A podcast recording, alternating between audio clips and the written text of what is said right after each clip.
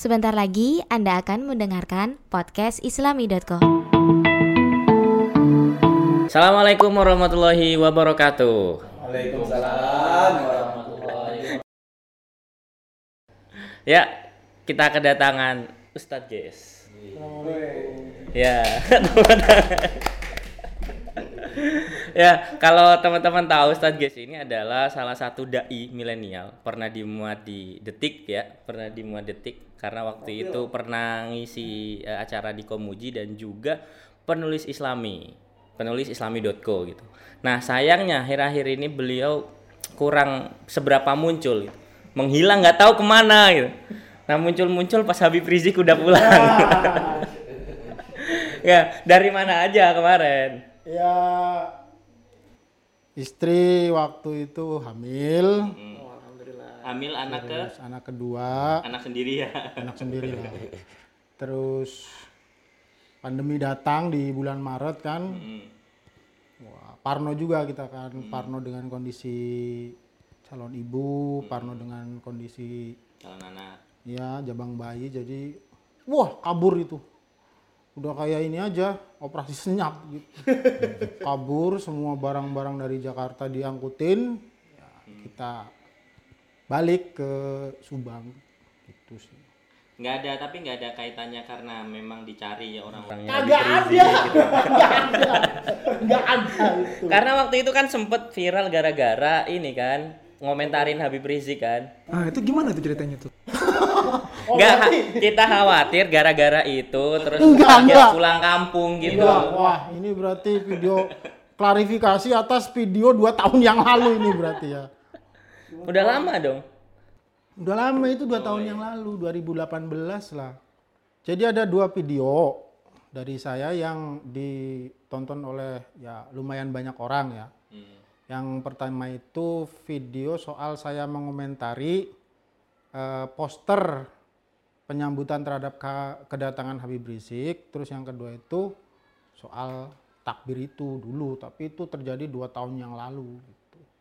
Nah untuk soal yang eh, poster itu jadi sebetulnya begini, ada poster marhaban bihuduri eh, Habib Rizik Sihab begitu. Nah yang jadi persoalan itu di belakangnya Asadullah wa Rasuluh gitu. Nah itu kan berbahaya. Jadi Asad itu maknanya macan, Allah berarti macannya Allah atau singanya Allah. Nah, wa Rasuluh ini gimana nih? Gimana nih? Ya. Gimana nih?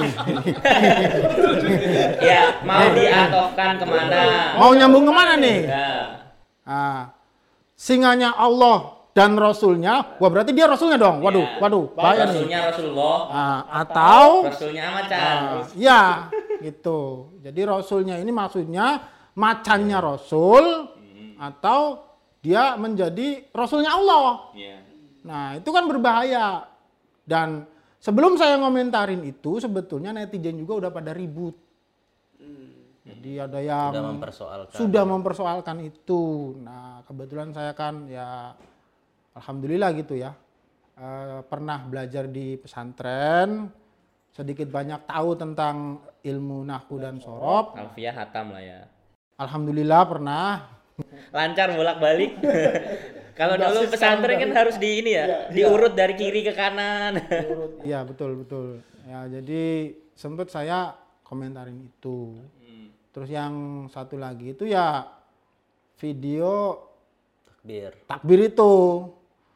Jadi eh, bisa dibilang saya membuat satir terhadap orang-orang yang takbir Allahu Akbar begitu. Apa salahnya sih?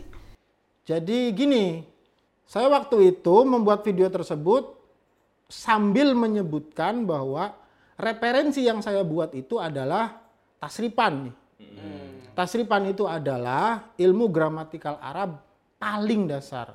Kita belum ngomongin alfiyah, kita belum ngomongin balago, kita belum ngomongin apa pun. Kalau secara ilmu tasrif, Udah salah. nah itu salah penempatan kata. Karena takbir itu kata benda, Bukan Ya. kata perintah. bukan kata perintah. Ya. Meskipun kemudian kita kalau kita menggunakan balaho dan lain sebagainya itu bisa bermakna perintah, tapi kan saya menyebutkan di situ bahwa Iya, cara ilmu tasrif das, das ya tasrif atau tasripan lah kalau di pesantren istilahnya itu. sorof lah. Ya, sama seperti misalkan eh, Mas Dedik air. Nah, tiba-tiba Mas Dedik datang ke saya membawakan air. Hmm. Menggunakan ilmu tasripan, Salah. Mas Dedik salah. Orang saya cuma bilang air. Coba kalau saya bilang, Mas Dedik ambilkan air. Iya. Nah, demikian juga dengan takbir. Ketika saya ngomong takbir, yaitu kata benda. Kecuali saya ngomong kabir. Ya. Atau Fi'il amar. Fi'il ya, amar, kalau dari saya kabar. menggunakan kata perintah fil amar, nah baru kemudian disambut dengan Tapi emang benar-benar salah kayak gitu. Salah benar-benar secara ilmu gramatikal bahasa Arab. menggunakan tasrif salah. Hmm. Tapi kan gramatikal Arab itu berkembang. Ya. Ada kontekstualnya juga. Ada kontekstualnya juga. Jadi bagaimana ya? Kalau secara harfiah Salah. saya bisa mengatakan bahwa video itu ya memang namanya juga satir kan. Iya. Jadi tujuannya sebetulnya bukan itu. Tujuannya sebetulnya bukan Ya, itu. Bukan semata-mata hanya ngomentarin tasrifannya aja. Bukan. Ya pengen Modusnya apa nih modusnya? sebetulnya gini. Video itu merupakan video awalan dari video-video berikutnya. ya. Video-video berikutnya itu adalah isinya nih. eh, percuma kamu mengucapkan takbir, tapi yang kamu besarkan itu adalah dirimu sendiri. Percuma kamu mengucapkan tasbih, tapi yang kamu sucikan itu adalah kepentinganmu sendiri. Itu. Jadi, Jadi tujuannya udah nggak mulia lagi gitu aja. ya. Berarti Anda mengatakan orang-orang yang bilang takbir itu nggak mulia dong. Kan saya tidak menyerang siapa pun.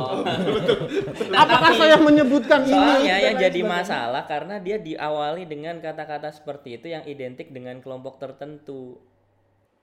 Saya tidak mengidentikannya. Kalau kemudian begini, saya kan pembuat konten. Saya pembuat konten, Iya. saya harus memahami rambu bahwa misalkan, misalkan, saya tidak boleh menyebutkan nama institusi. Itu jelas tidak boleh dong. Iya. Kemudian saya juga tidak boleh menyerang secara personal.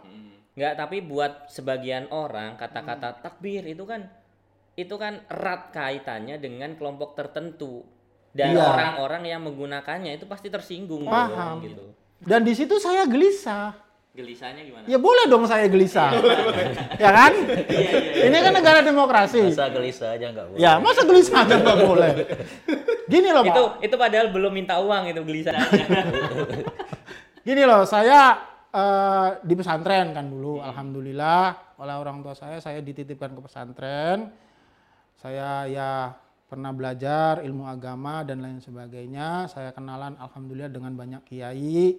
Saya berguru kepada mereka. Saya hormat sekali dengan eh, kiai saya eh, Romo Kiai Haji Abdullah Kafabihi Makrus dari Lirboyo itu.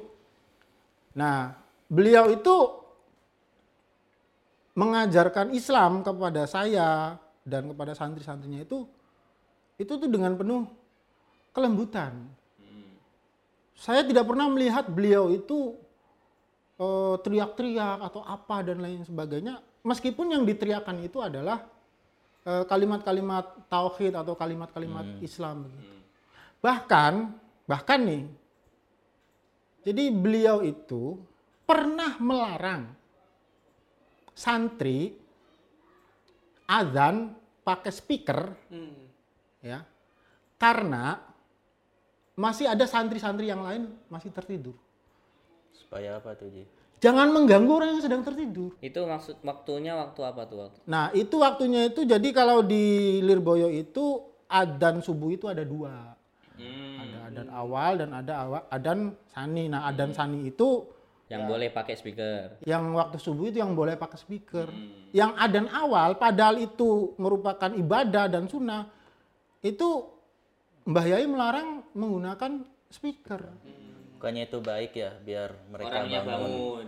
Amar Ya, ma'ruf nahi mungkar. Karena begini, persoalan kan bukan hanya itu. Hmm. Kita harus mikirin bahwa di situ ada santri yang eh, apa namanya sedang tidur sementara dia bes dia nanti itu subuh harus bangun harus ngantri mandi harus ngantri makan.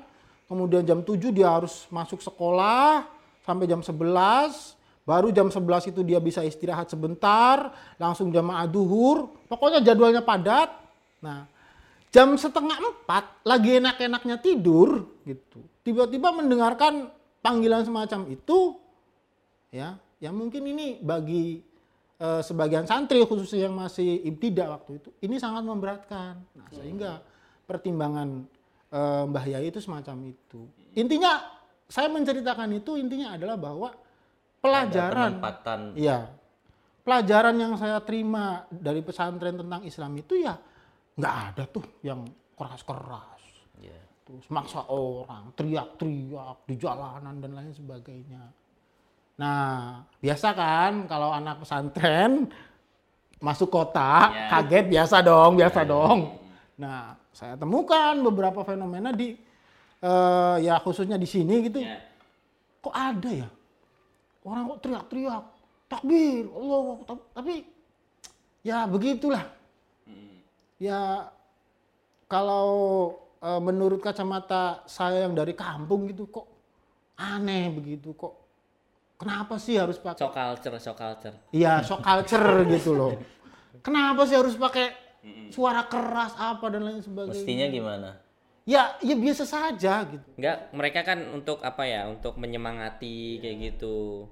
Takbir itu untuk menyemangati mereka agar semangat mereka membara. Iya, Nah, Pak. kalau kalau nggak kayak gitu diganti apa misalnya? Ya begini deh logikanya ya. Logikanya begini. Eh berarti yang Mas Alpin tadi sampaikan itu kan ini kan berarti Perbedaan, ya, perbedaan nggak sebelum ke cara dakwah tadi kan perbedaan budaya pesantren itu kan lebih ke soft gitu. Sedangkan ketika pindah ke sini kok oh, kok ada takbir keras-keras kayak gini. Jadi kalau saya begini, logika saya ya, dan saya menghormati logika teman-teman yang lain yang mungkin berbeda dengan saya. Kita ini mau menuju ke mana sih? Mau menuju ke ridho Allah kan? Intinya adalah surga. Iya. Dengan jalan apa? Dengan jalan syariat. Nah, ini tuh sama kayak kita mau menuju ke Jakarta, ibaratnya doang nih, ibarat. Mau menuju ke Jakarta, kita mau numpang bis. Bis itu kan ada banyak pilihan. Ada bis A, B, C, D. Masing-masing ya. Ini mereka berebut penumpang. Iya. Saya nih penumpang, calon penumpang. Ketika saya akan memilih bis, ya tentunya saya akan melihat kualitas bisnya dan lain sebagainya. Dan ada satu hal juga yang paling penting, pelayanan. Ketika supirnya ramah, kondekturnya ramah, ayo mas, pakai bis yang ini. Iya, iya. Supirnya kompeten apa? Bis A misalkan menawarkan begitu, bis bis B menawarkan begini. Artinya Woi, naik bis saya. Artinya- Ayo cepat. Ini berarti artinya orang-orang yang bilang takbir itu nggak kompeten dong. Maksudnya nggak Atau kompeten salah gimana? bis Atau salah bis. Nggak kompeten, kurang ramah. Mungkin, mungkin pilihan mereka begitu. Iya. Saya saya tidak tahu alasan mereka apa, wallahu a'lam, tapi kan diawali tadi saya mengatakan bahwa saya gelisah. Nah, kegelisahan saya semacam itu.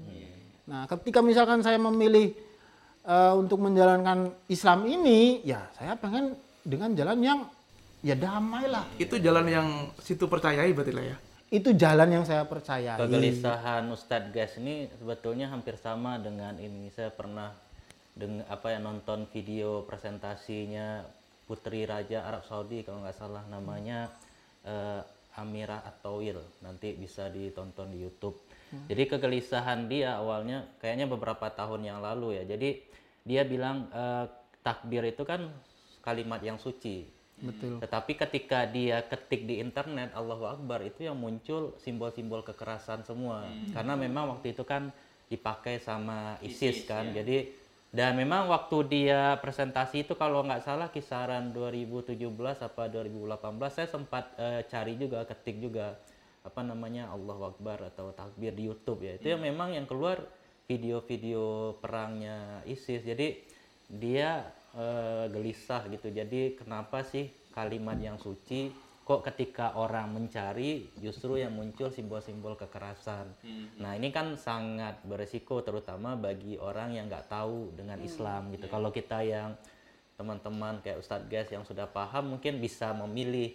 Tapi kan kalau orang yang sentimen misalkan terhadap Islam, nggak suka Islam, kemudian ataupun dia nggak tahu sama sekali, ketika mencari kata kunci takbir di Google ataupun di YouTube yang keluar malah simbol-simbol kekerasan, nanti kan itu memperkuat Ya, asumsi mereka kan bahwasanya Islam itu agama perang, agama, agama keras dan lain-lain. Itu makanya ketika banyak orang yang mengkritik Islam sebagai agama yang keras, itu mereka pasti ngelihat sebagian orang Islam yang seperti itu kan. Iya betul. Ya apalagi gini ya. Saya kan udah punya anak nih. Saya bapak dua anak. ya maksud saya begini, Mas Alvin kan belum punya anak, mungkin ada gap. ada gap ini, gap generasi antara saya dengan Mas Alvin. Kalau saya itu melakukan apa-apa tuh ya mikir anak saya gitu. Nanti ke depan Nanti ke depan tuh gimana? Iya. anak saya ya dia eh, umurnya baru enam tahun. Dia ini daripada menggunakan tulisan dia lebih baik menggunakan gambar. Nah sekarang begini. Mas Dedi kan bisa ngetik Arab. Ketik Arab di internet tulisan la ilaha illallah ataupun Allahu Akbar. Nah Anda buka Google gambar Google image gambar apa yang muncul Harusnya sih yang muncul kalau nggak bendera Arab Saudi, bendera Mesir ya. harusnya Eh nggak bendera Mesir, bendera Syria yang Allah Akbar. ya. terakhir kali ya saya mengetik dua keyword itu yang Allahu Akbar itu gambarnya adalah orang lagi begini Itu yang bahasa Arab. iya pakai bahasa Oh Arab berarti ngetiknya pakai bahasa Arab. ngetiknya pakai bahasa Bahasa Arab Indonesia nah saya belum nyoba itu yang saya ngetik pakai bahasa Arab itu gambarnya itu Allahu Akbar tuh orang lagi begini nah Gini bukan Superman lah tapi. ya. iya bukan Superman yang la ilaha illallah gambarnya ya yang lagi begini ngokang senjata Oh, oke. kalau ISIS ya, ISIS. ISIS. Kalau itu dilihat oleh anak saya, sementara dia di usia sekarang ini, ya itu kan Visual. ya lebih ke gambar dia ngelihat.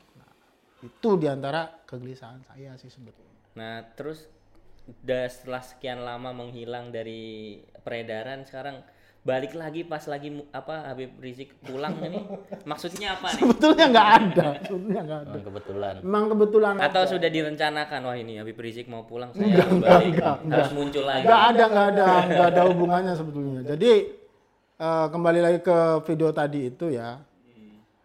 Ternyata kegelisahan saya yang saya tuangkan di Video. eh, Media sosial. video. media sosial itu tidak malah menenangkan hati saya, Tapi, tapi malah makin justru gelisah. membuat saya makin gelisah. Apa yang mem- apa kata-kata yang mereka? yang, yang membuat- gelisah siapa aja termasuk gini. istri juga.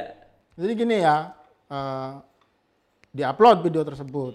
Saya kan bareng sama teman-teman. Saya punya satu teman, ya ya dia ngurusin konten-konten gitu. Namanya Munte, tapi bukan siapa Jenda Munte yang bukan bukan Yang itu. Ya. Iya. Ada seseorang ber- be- bermarga Munte lah di cir- circle pertemanan saya. Ya dia ngurusin konten-konten begitu. Nah, eh, kami upload kan video itu.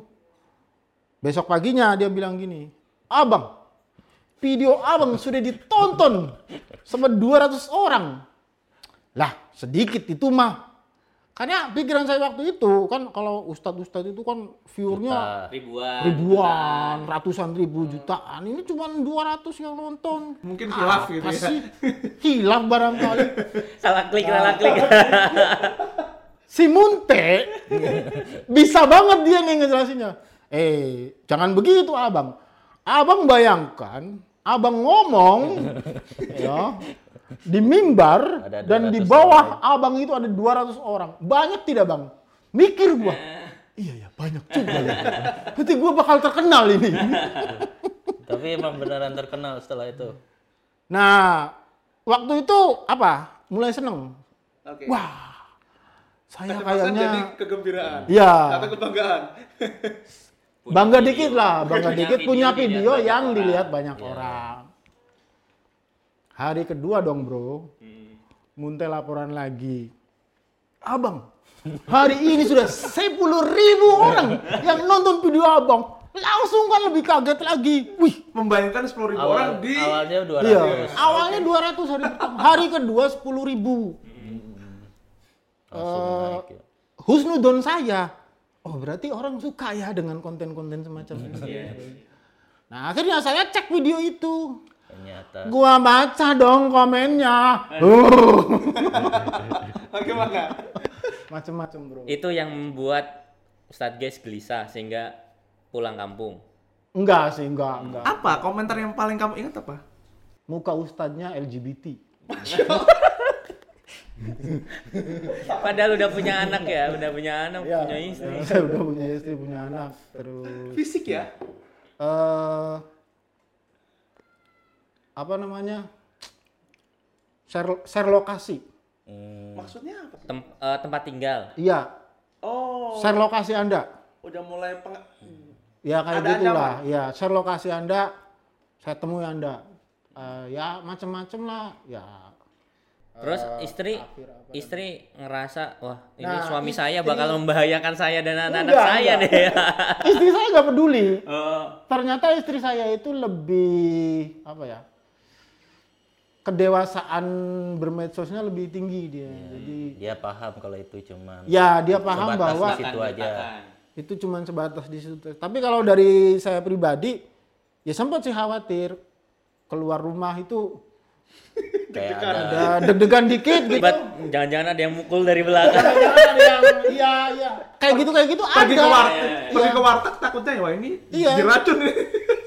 ada ada ada ada kekhawatiran kekhawatiran kayak gitu tuh ada sampai akhirnya kemudian saya eh, dapat nasihat dari Mas Ulil bahwa kalau kamu berkonten ya, jangan sering-sering baca komen. komentar. Ya, karena nanti bikin resikonya ada dua kata beliau. Satu eh bikin kita jadi paranoid karena ternyata Mas Ulil juga pernah mengalami itu beliau Mas Ulil kom- Absar Abdallah ya? Ulil Absor Abdallah bikin konten baca komen semalaman nggak tidur bro Mikirin. mikirin itu Menginternalisasi gitu ya. ya dan kedua bikin kita eh, malas berkonten lagi Iya. Padahal kalau menurut beliau jangan ya berkonten terus. Nah, pasca itu sebetulnya saya tidak ngilang. Saya masih produktif Iya. bikin konten. bikin konten. Misalkan seperti konten-konten tata cara sholat, kemudian pesan-pesan Ramadan dan lain sebagainya. Sempat bikin pengajian juga ya. Sempat bikin pengajian dan lain Hadis sebagainya, hadis arba'in di uh, beberapa kanal dan lain sebagainya itu. Nah, di situ saya sadar bahwa karena gini, konten-konten yang semacam itu artinya konten-konten eh, lempeng positif yang saya buat itu Jarang ada yang baca. jarang ada yang lihat, jarang ada yang nonton. Atau belum. Belum ada yang hilaf untuk membaca. Jadi justru apa video-video yang menurut mereka itu kontroversial meskipun saya tidak menganggap itu sebagai kontroversial ya. Tapi mereka menganggapnya demikian. Justru yang semacam itu yang eh, mendapatkan Respon yang tinggi. respon yang tinggi. Tapi bagaimanapun juga memang orang Indonesia itu suka video-video yang kontroversial. Ya begitu. Jadi semakin kontroversial ya semakin rame. Jadi makanya youtuber beberapa youtuber itu kan lebih sering bikin kontroversial daripada konten-konten yang lebih bermanfaat. Nah iya sebetulnya saya juga pengen ngaji tuh, pengen pengen pengen ngaji per YouTubean gitu ya. Ustadz, aku tuh penasaran satu hal. Kan tadi lihat apa namanya welcome Habib gitu dalam bahasa Arab. Anda ada masalah apa dengan Habib sebenarnya? Habib Rizik. Saya nggak ada masalah apa pun Iya, soalnya dengan dua video yang bermasalah tadi itu isinya tentang Habib Rizik semua gitu.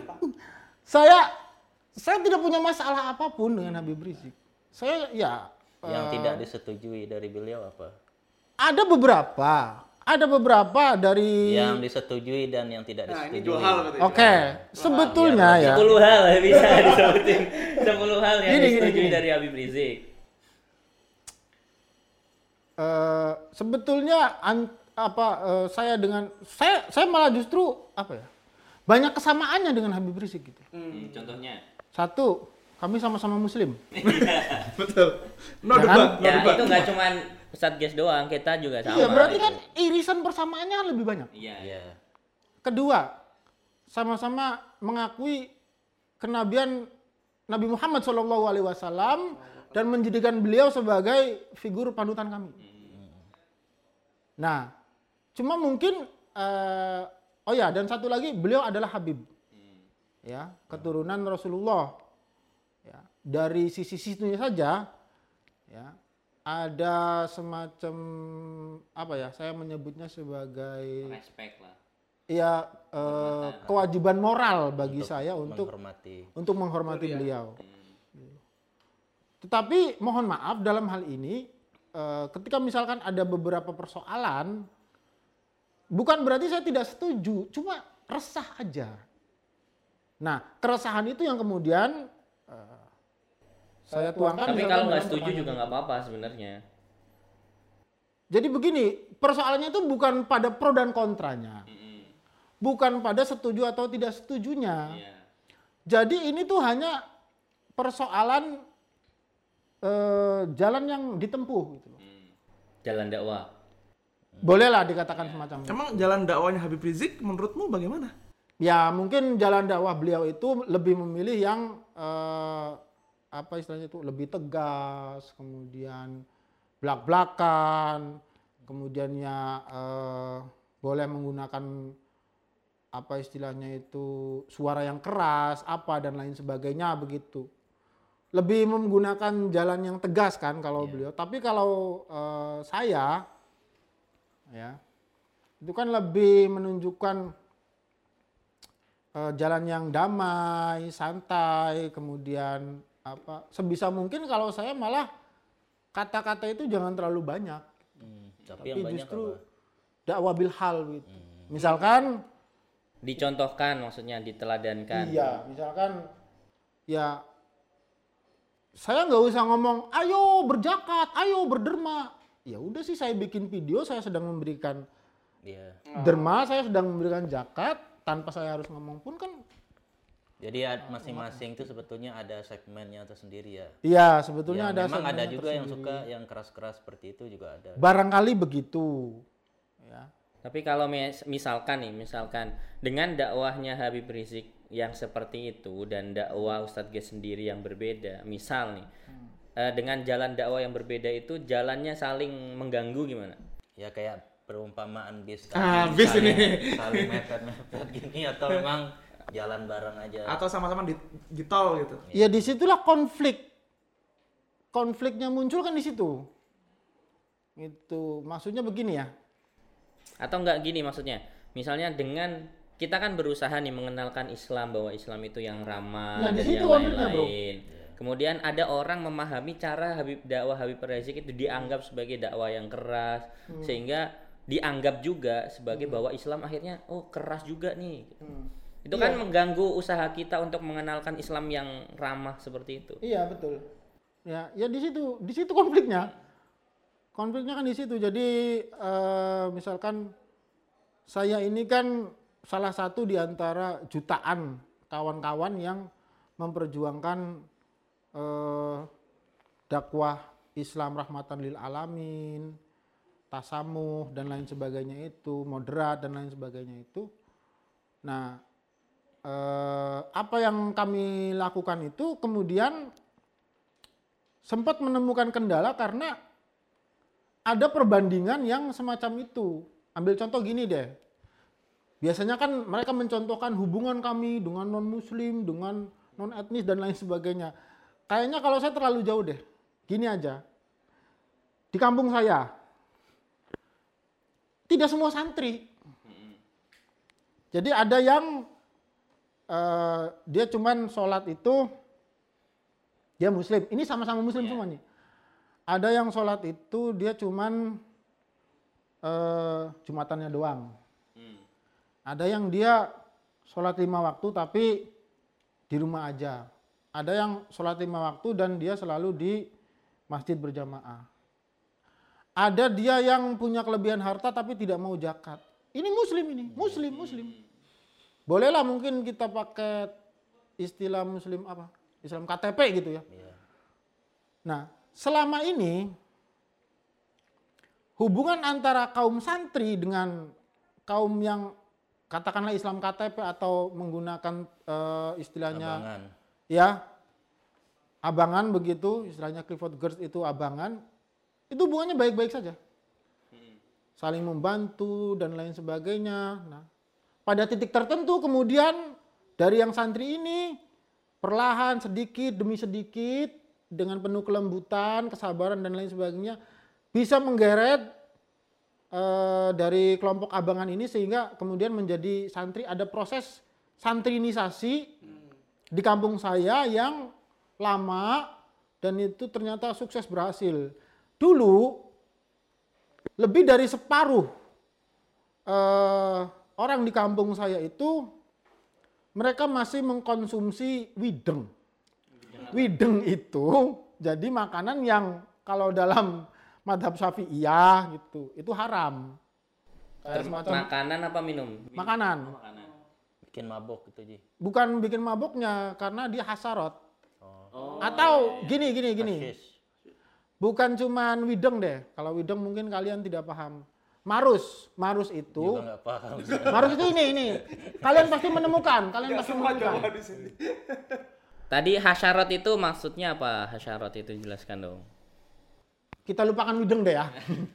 Kita lari ke ini aja. Jadi eh, kamu nyembelih sapi, itu kan keluar darahnya. Darahnya Oh. dibekuin, Oh iya. Oh iya iya.